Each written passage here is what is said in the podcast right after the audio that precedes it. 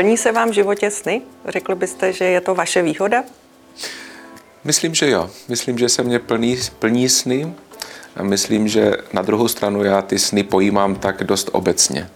Snažím se je e, mít tak, že si je nekladu konkrétně, konkrétní cíle, konkrétní podoby těch snů. Takže to je takový ten obecný sen, jak by asi mohl ten život eh, se ubírat a ty se mě všechny plní.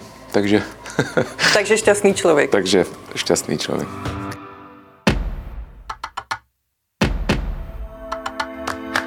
Já jsem Veronika Sedláčková. A já editorka Eliška Dokulilová. A tohle je podcast Ptám se já. Nesmlouvavé rozhovory, které jdou do hloubky.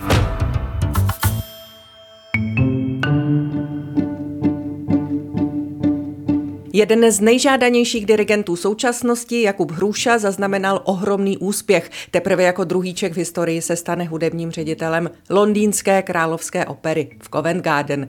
Do jejího vedení nastoupí v září 2025. K výběru Jakuba Hruši poznamenal ředitel Královské opery, že v Londýně oceňují na českém dirigentovi nejen jeho vynikající uměleckou tvorbu, ale také velkorysost a vřelost jeho osobnosti. Pokusím se v několika bodech schrnout Hrušovo dosavadní působení. Je šéf dirigentem bamberských symfoniků a hlavním hostujícím dirigentem České filharmonie. Zároveň často vede další světová hudební tělesa v Evropě i v zámoří, včetně berlínských nebo vídeňských filharmoniků. Vřele ho vítají taky vyhlášené operní domy. A to jsem zdaleka nestihla vypočítat všechno. No a já přidám ještě jednu docela čerstvou informaci.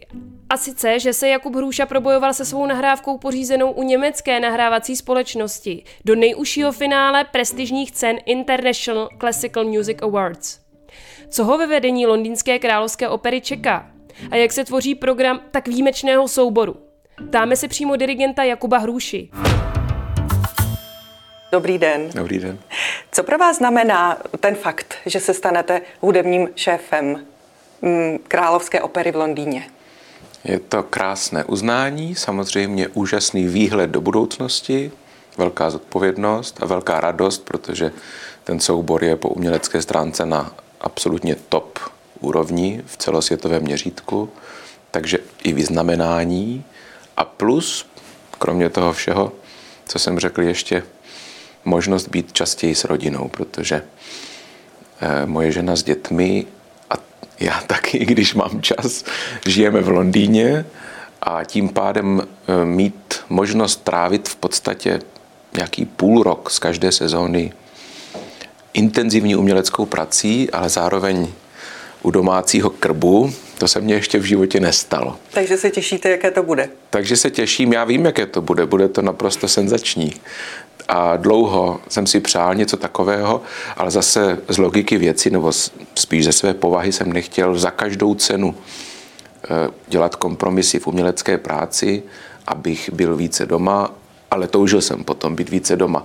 A teď mi do klína spadla řízením osudu tahle ta nádherná možnost, kde ty dvě věci, které jsou pro mě tak důležité, moje práce jako dirigenta a rodina, že se můžou krásně skloubit. Takže ten balíček celý dává úžasný smysl a mám z něho velkou radost. Říkáte řízením osudu, je to tedy něco, o co jste neusiloval? Co se tak nějak stalo? V podstatě, ale to usilování, já jsem usiloval, usiluju nějak celý život v obecné rovině. Jako dirigent musíte usilovat o krásné výsledky, ale neusiloval jsem rozhodně o to, abych se stal hudebním ředitelem v Královské opeře Jde mi o to, jestli toto ne. byl ten konkrétní cíl ne, pro vás. vůbec ne. Dokonce, když jsem tam naposled jel dirigovat Lohengrína Wagnerova, to bylo moje druhé hostování, tak jsem si to vůbec neuvědomil, že vlastně hledají už poměrně dlouho eh, nového hudebního ředitele, protože ten můj předchůdce Tony, čili Antonio Papano, tam je nebo bude v okamžiku předání 22 let, to je velká doba. A už nějakou dobu se to ví, že on hodlá končit. Ale mm, mně to vůbec nějak nedošlo, protože jsem si upřímně řečeno sebe takhle nijak konkrétně neprojektoval. Ale co jsem věděl je, že pokud udělám velkou životní změnu, tak to musí být takovým způsobem, který dává absolutní smysl. A tohle dává smysl? Tohle dává absolutní smysl. Mně jde o to, jestli když teď dirigujete a jste velmi žádaný dirigent po celém světě, v zámoří, v Evropě, prostě všude, mm. tak teď budete hudební ředitel. Co to vlastně znamená? Co budete dělat? Budete umělec víc než manažer? Nebo no to naopak? určitě nejednoznačně. To je trošku zavádějící. To bych teda možná divákům... Myslíte ten ředitel? To ředitel, no, nebo to jméno ředitel, to bych teď měl vysvětlit. Tomu se tak říká music director, ale to je umělecká funkce. Naprosto. Tam je ředitel opery jako takový, který má, eh, to je ten Oliver, který má na starosti všechny ty věci všeobecně umělecké a taky do určité míry eh, administrativní, to je ten, který má pod sebou spoustu lidí a tak dále. A pak je tam ten chief executive, to je vlastně vůbec ten šéf celého toho domu. A pak je tam ta rada a tak dále. To, jsou, to je prostě systém. To je ten management. Ano, to je ten celý management ale ta moje funkce je veskrze umělecká, to se tak jenom jmenuje. No a jak jsem říkal, že to má dávat smysl? Hlavně proto, že asi nikdo z nás, když je spokojen tam, kde je, nechce udělat žádný krok někam, kde to bude horší. A já jsem spokojen. V bamberských symfonicích, kde teď eh, jsem někde za půlkou své, eh, svého pobytu tam. Bamberské symfoniky vedete. Vedu od roku 2016 Vlastně ve výsledku to je desetiletá smlouva, teď vlastně řešíme, co bude dál, tady s tou novinkou v Londýně a to je fantastický orchestr v Německu, který hraje podle mých nejlepších představ, či já nemám potřebu někam se hrnout, protože nejsem spokojen. Ale samozřejmě k nějaké přirozenosti té mé profese patří, že se člověk nějak vyvíjí a v nejlepším případě odchází v tom nejhezčím. No a co tedy budete dělat, když budete výhradně umělecky působit eh, v tak slavném operním souboru, jako je Královská opera? No, mm, pode mnou nebo mým úkolem nebo mou zodpovědností je kvalita hudby v opeře tohoto domu. A to znamená, že se o tu kvalitu musím starat. A to nejen tak nárazově, ale trvalé a koncepčně. V reálu to znamená, že budu dirigovat poměrně mnoho představení a poměrně mnoho nastudování, to jsou dvě různé věci. To je totiž jenom kratičce. Ten eh, operní dům tam funguje trošku jinak, než to známe z oper u nás nebo ve střední Evropě, kde se hraje každý večer pomalu jiný titul a těch věcí na repertoáru je hodně. V Londýně je to ta takzvaná stagiona, čili se s veškerým úsilím a soustředěním nastuduje vždycky jedno dílo, pak se překrývá ještě s dalším nebo maximálně třemi. A to se stále reprízuje. To se právě reprízuje po určitou dobu a pak se to zavře a jde se dál. Čili je to taková soustředěnější práce, kdy se pracuje projektově. A pro mě to znamená, abych se o ten soubor mohl dostatečně starat, že takových projektů budu mít minimálně tři do roka. A protože ten jeden projekt zabere opravdu měsíc, až půl, měsíc a půl až dva, tak to skutečně na nastudování. na studování, které trvá zhruba těch několik týdnů, čtyři až šest týdnů, a pak se to hraje. A Takový eh, projekt pro mě nastane třikrát každý rok. To znamená, že to je opravdu dlouhodobý eh, pobyt, který znamená spoustu práce a kolem toho je mnoho dalších péče o mladé eh, pěvce a jejich podpora a tak dále, starost o orchestr, konkurzy v orchestru a samozřejmě teda v tom londýnském systému západním je to také oprašování všech donátorů, sponzorů, takový ten společenský život. To je samozřejmě společenský život k tomu patří. A co třeba eh, schánění těch skutečně velkých men, těch hvězd, ať už jde o pěvce, pěvkyně, hudebníky, to asi hmm. dá víc času než 4 až 6 týdnů. Ti lidé, stejně jako vy teď, máte diáře plné, předpokládám, i třeba měsíce, roky dopředu, ano. nevím, teď se ptám. Ano, je to tak, že my plánujeme tak ty 3-4 roky dopředu na den přesně. Vlastně na hodiny. Teď přesně. už to víte, ale hmm. vlastně se to mění teď. Nemění. To je právě ten důvod, proč, proč nastupuji až 25 až září. 2025. A není to proto, že já bych byl tak vyšinutý, ale že takhle všichni plánují. Pěvci, režiséři, celý ten operní dům opravdu plánuje s předstihem. To znamená, i kdybychom my chtěli, tak my nemůžeme z ničeho nic začít spolupracovat příští týden. To nejde. Takže my samozřejmě jsme v kontaktu, plánujeme minulý týden nebo předminulý jsem tam byl, měl jsem schůzku a vytyčili jsme si dramaturgický plán prakticky někam do roku 2030. A je to proto, že ty největší hvězdy, které teda do Královské opery v Londýně samo sebou jezdit chtějí a jezdí, a je to čeká se to a i ti pěvci to rádi dělají, tak eh, nejde ani tak o to, že by se urputně museli zhánět, ale jde o to, aby se všichni, kteří se pohybují tady na té krásné úrovni práce, dohodli na tom, co vlastně chtějí spolu dělat.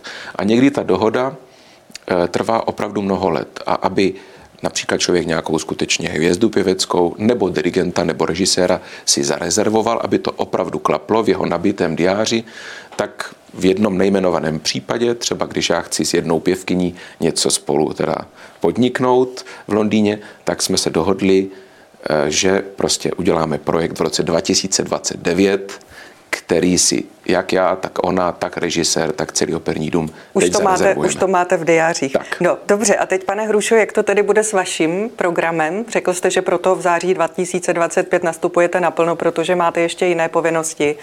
No, ale potom co dál? Protože vy jste, eh, jak už jste řekl, šéf bamberských symfoniků, vy jste taky hlavní hostující dirigent České filharmonie, spolupracujete i s dalšími filharmoniemi v Evropě, Vídeňská, hmm. Mnichovská, do New Yorku jezdíte. Vy si musíte teď ten diář čistit? Znamená to, že vlastně od toho roku 25 už budete výhradně uměleckým šéfem, řeknuli to tak eh, v Covent ne, Garden? Nebudu výhradně, samozřejmě ten můj život se trošku skoncentruje a zacílí, což si myslím, že je dobře. Eh, neříkám tím, že bylo něco špatně na tom, jak to probíhalo dosud, ale myslím, že v určitém okamžiku v životě je dobré ty síly ještě nějak jako podstatněji zacílit. Ne, cílit, naopak. Prostě umístit na určitou věc, která za to stojí. A eh, tím pádem vždycky se divím, že to ještě nepadlo, protože vždycky dostanu tu otázku. No možná že právě proto, že nechci se na to ptát, ale radši nejvytíženější, jeden z nejvytíženějších dirigentů. To je právě něco, co mě nikdy úplně nelichotilo, jo, protože vytíženost není žádná kvalita. Proč Kvalit... jste žádaný tím pádem? To znamená, že je uznávaná kvalita vaší práce? To je, to je pravda, ale není to věc, která se kvantifikuje na tu vytíženost. Důležitá je kvalita, ne kvantita. A e, ta kvalita se dá prohlubovat Jedině tehdy, když se člověk intenzivně věnuje nějaké eh, instituci nebo nějakým lidem, které už zná a s kterými jde do hloubky. No, ale k vaší otázce. Bamberg eh, jede do roku 2026, to bude těch 10 let a jednáme teď, co bude dál. Z podstaty věci nemůžu mhm. říct, co dál Nemůžete bude, protože to sám nevím. Co Ale... Česko? Jak eh, často budete jezdit eh, do Česka a dirigovat Českou filharmonii? No, eh, můj postoj zůstává stejný, to znamená, já to tady miluju, teď zrovna mám koncert, no, koncerty s Českou filharmonií. Ohromně je to uspokojující a krásné. A ten můj vztah s tím orchestrem se nijak myslím si to, nebo jsem přesvědčen, protože cítím i z jejich strany tu náklonost, nijak nebude horšit. Otázka samozřejmě bude, kolik budu mít času a jak se nám to bude dařit kloubit po té časové stránce, ale moje odhodlání nebo přání je minimálně v té míře, ve které se s nimi vidím teď, eh, se výdat nadále, to je tak dva, tři, maximálně čtyři projekty do roka Eh, máme nějaké zájezdové plány a tak. Čili je to pěkná aktivita a mě na tom záleží, protože mám ten orchestr rád, který opravdu každý rok, co k němu přijedu, je lepší a lepší po stránce kvality a po stránce přístupu, nálady, atmosféry. Ty to jistě Češi a Pražané slyší, no, co tady mají doma? Je to tak, říkám to opravdu s plným vědomím, ne jako, že bych chtěl lichotit českému orchestru, co by Čech, ale jako někdo, kdo má srovnání se světovou špičkou a Česká filharmonie opravdu patří do těch nejvíce top eh, orchestrů světa dneska. Nechci říkat teď kolika, není potřeba, ale opravdu k těm nejlepším. A záleží mi na publiku, protože odsud pocházím, všecko, co jsem se v zárodku svého dirigentského života naučil. Je to docela vlastně výjimka, protože hodně lidí odchází už za studia někam pryč a pak teprve se zase objeví zpátky. U vás to tak nebylo? Do určité míry jenom, ale v zásadě můžu říct, že všechno, co jsem se naučil jako, jako začátečník, jako student, a první kroky mé dráhy, první uznání, první podpora, první úspěchy, to všechno se odehrávalo v České republice. A tím pádem pro mě je to opravdu eh, místo, ke kterému, nebo do kterého se chci vracet principiálně, úplně jako zásadně. A hrát pro české publikum je pro mě úplně jiná ještě kvalita, než hrát kdekoliv jinde. A co na opačnou stranu? Dostanou se čeští autoři, čeští skladatelé víc, když vy nastoupíte do londýnské opery tam?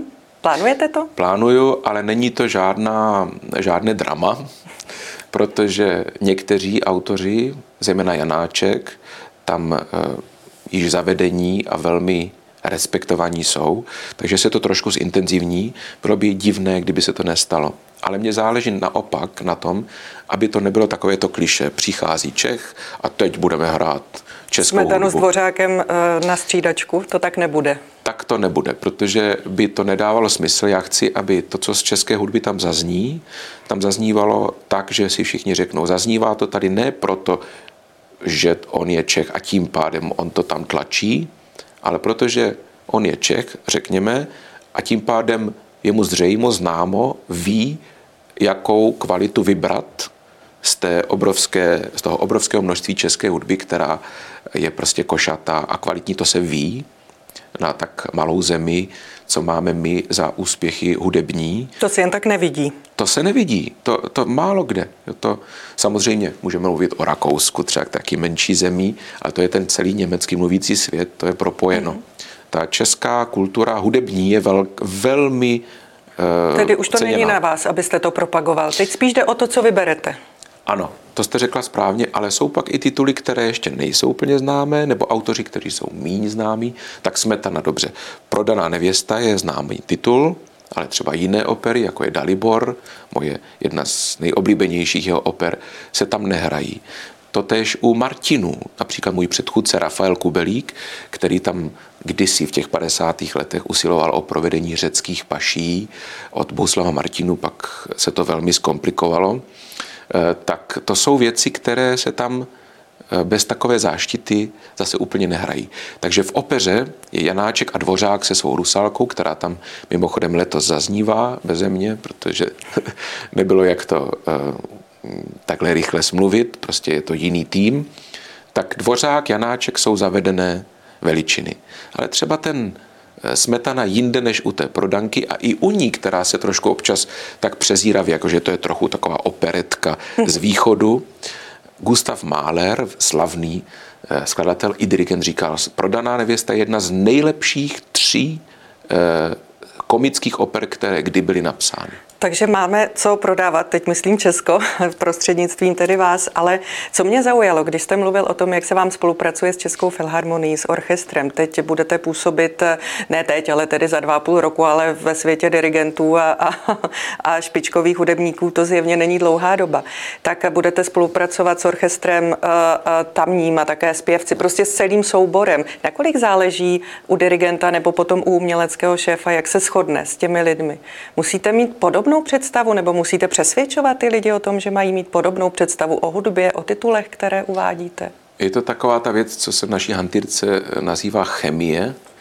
Ehm, přesvědčovat na sílu nebo nějak, kdybych tam měl jít s představou, že teď teprve všechny musím přesvědčit, to by se mně moc nelíbilo, to bych se do toho asi nehrnul. Tam musí být už jasno o tom, že ta takzvaná chemie, trošku divné slovo, ale používá se. Funguje to mezi to dirigentem funguje. a souborem to znáte dobře. Ano, a tím pádem ta situace je teď taková, že my se na sebe strašně těšíme. My se známe už a vlastně teď ta nemožnost se vidět dlouho ještě myslím, že způsobí takové to těšení ještě hlubší. Protože nám to funguje spolu, oni na mě reagují, já se cítím sám, jimi inspirován, protože oni hrají na fantastické úrovni a trvale. To je neuvěřitelné, to je několik představení za sebou, třeba 6-7 představení toho Lohengrína od Wagnera, což je pětihodinový večer, a oni prostě nezahrají jedinou notu mimo, nebo jejich energie nepoleví ani na chvíli. A to, to je jsou, výjimka. To je eh, prostě, tím této, se vyznačuje špičkový soubor. V této míře v opeře je to výjimka. A navíc oni jsou taky úžasní v tom, co si cení dirigent v opeře, jak mají nastražené uši v tom orchestřišti dole na to, co se děje na jevišti. To je úžasná kvalita, kdy oni skutečně, jak kdyby byli úplně virtuálně řečeno přilepení uchem na to jeviště, to je, to je jak jeden organismus, to dýchá. A jsou ta profesionalita jejich společně s takovým tím britským trochu odlehčeným humorem, který mám rád, vytváří platformu, kde se dá dělat opravdu práce na na nejvyšší možné úrovni. A ještě něco, ten dům, vždycky, když jsem pracoval v divadlech, všude jinde, tak je to někde, někdy v tom procesu vždycky nastane taková ta hysterie divadelní, nebo to drama. Mm-hmm. Někde něco začne skřípat, někdo tam začne ječet, nebo se omlouvat, že je nemocen. Klasické jo. divadlo, jak si ho představujeme? Divadlo, prostě non plus ultra, vždycky nějaké scény. A já jsem tady pracoval dvakrát už po dobu teda opravdu těch pár měsíců. A nic, všecko jako po másle, všechno tak nějak funguje. A myslím si, že ten dům, jediný, co má za potenciálně problém, že je jim opravdu záleží tak neskutečným způsobem na korektnosti vztahů a e, postoje jeden k druhému. Teď v poslední době taky velmi vypíchnutá ta témata té diverzity a barvy kůže a tak dále. Velice citlivá Což je věc. jiné než v Česku. Tam je to vysloveně jako téma. Citlivost na vysoké úrovni. Vysoké úrovni, ale to je, někdy je to obtížné se v tom úplně plně zorientovat, že jsem přece jenom trošku z jiného těsta, eh, odkud pocházím, ale ta přivrácená stránka je ta, že skutečně tam se nestane, že by se jeden k druhému choval neprofesionálně nebo nějak podle nebo nějak zákeřně. A to vytváří, i ten tým je takový efektivní, nebují to tam příliš velkým množstvím pracovníků, jak někdy v těch velkých institucích, že člověk nespočítá ani lidi. Jak jste sám řekl, je to komerce taky, mimo jiné. Je to no, prostě něco, co musí ano, šlapat i v tomhle směru. Ano, a mají v tom velkou zkušenost. Co teď je rolí dirigenta současné době? Vy jste řekl, že hodně záleží na chemii. Dřív to možná bylo tak, že dirigenti byli spíš vůči osobnosti a jim se podřizoval orchestr. Teď už to tak není? Je eh, to první. to podřizoval orchestr, tak bych to já neformuloval. A samozřejmě dirigent tam je proto, aby sjednotil všechny za společným cílem. Ale já jsem přesvědčen, že asi věřil bych, že se přišlo na to, že to je možné dělat eh, citlivěji a přes inspiraci, ne přes despotickou um, autokracii. A to dřív bylo? Bylo, no jasně. A zejména úplně dřív, třeba před stolety, skutečně dirigent byl uh, naprostý, despotický, autokrat často. A někdy záleží na povaze, někdo to dělal tak, někdo onak, ale taková ta nespochybnitelnost absolutistického určovatele toho, co bude, existovala. Dneska to tak není. Myslím, Takže je tam víc žen než před No to jasné, ale celková, celkové to nastavení je takové, že jako hulvát se nedá nic docílit. Ale samozřejmě na druhou stranu zase vždycky říkám, že je zajímavá celá ta naše situace v tom orchestru nebo operním domě, že jako úplně třeba k demokracii, jaký prožíváme politicky, se to přirovnat taky nedá.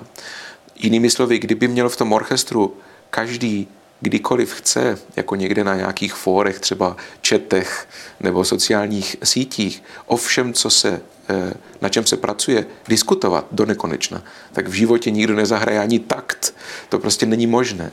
Ale cílem je samozřejmě, aby eh, to základní nastavení, že ten orchestr eh, je srozuměn s tím, že ten, kdo před nimi stojí, a teda poměrně na dnešní dobu nevybíravě a autoritativně, všem jaksi dává udává najevo, jak to bude, takt, udává tón, tak. takt, styl, energii, tempo, význění, že tohle ani se nezačne spochybňovat, protože ta nastavenost toho vztahu je od základu nějaká zdravá. A to si myslím, že se teď děje a to se mi líbí, že před orchestry z pravidla, jak já to znám ze svého života, se nevracejí nebo se neposílají, zejména jako hosté, na to špak jako šéfové dirigenti, které ten orchestr nemůže respektovat nebo se jich nemůže vážit. A to si myslím, že je dobře. Vy jste taky řekl, pane Hrušo, v jednom z rozhovorů, že neexistuje větší zásah lidského srdce než právě operou že jenom opera nebo opera hlavně může tak zasáhnout bych, lidské co bych srdce. Měl říkat, jako... Co byste měl k tomu dodat, když se inscenace povede? Teď dodám ještě vaše slova.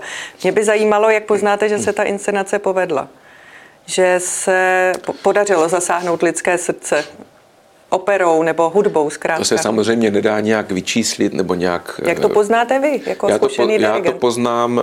Um, jako úplně dokonale to nepoznám v tom smyslu, že bych řekl teď, ale teď něk- to povedlo. některé uh, ty projekty nebo některá ta nastudování uh, to cítíte. Jednak cítíte napětí v sále, jednak cítíte nasazení všech.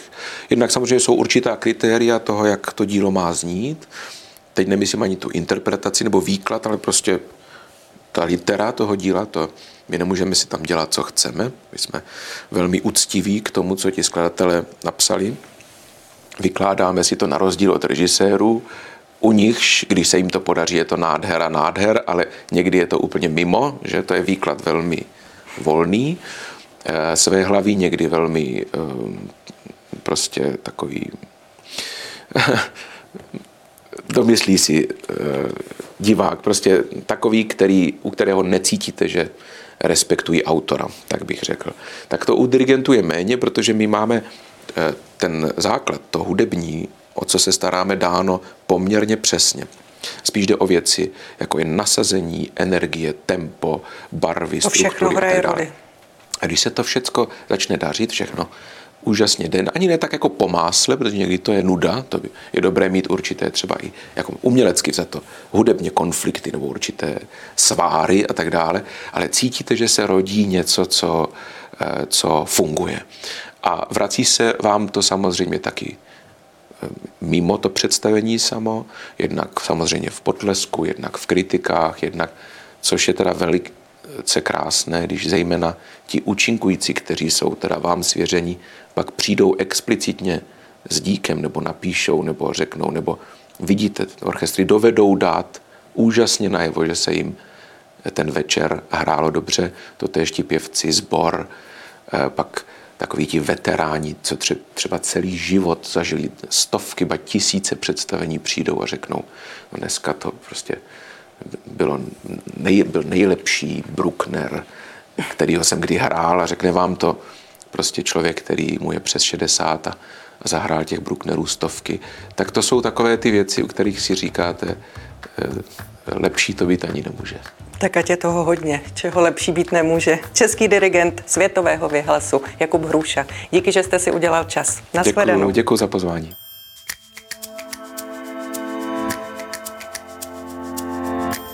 Vám, kteří nás posloucháte nebo se díváte, připomenu, že nás najdete buď na seznam zprávách ve svých podcastových aplikacích nebo na webu podcasty.cz.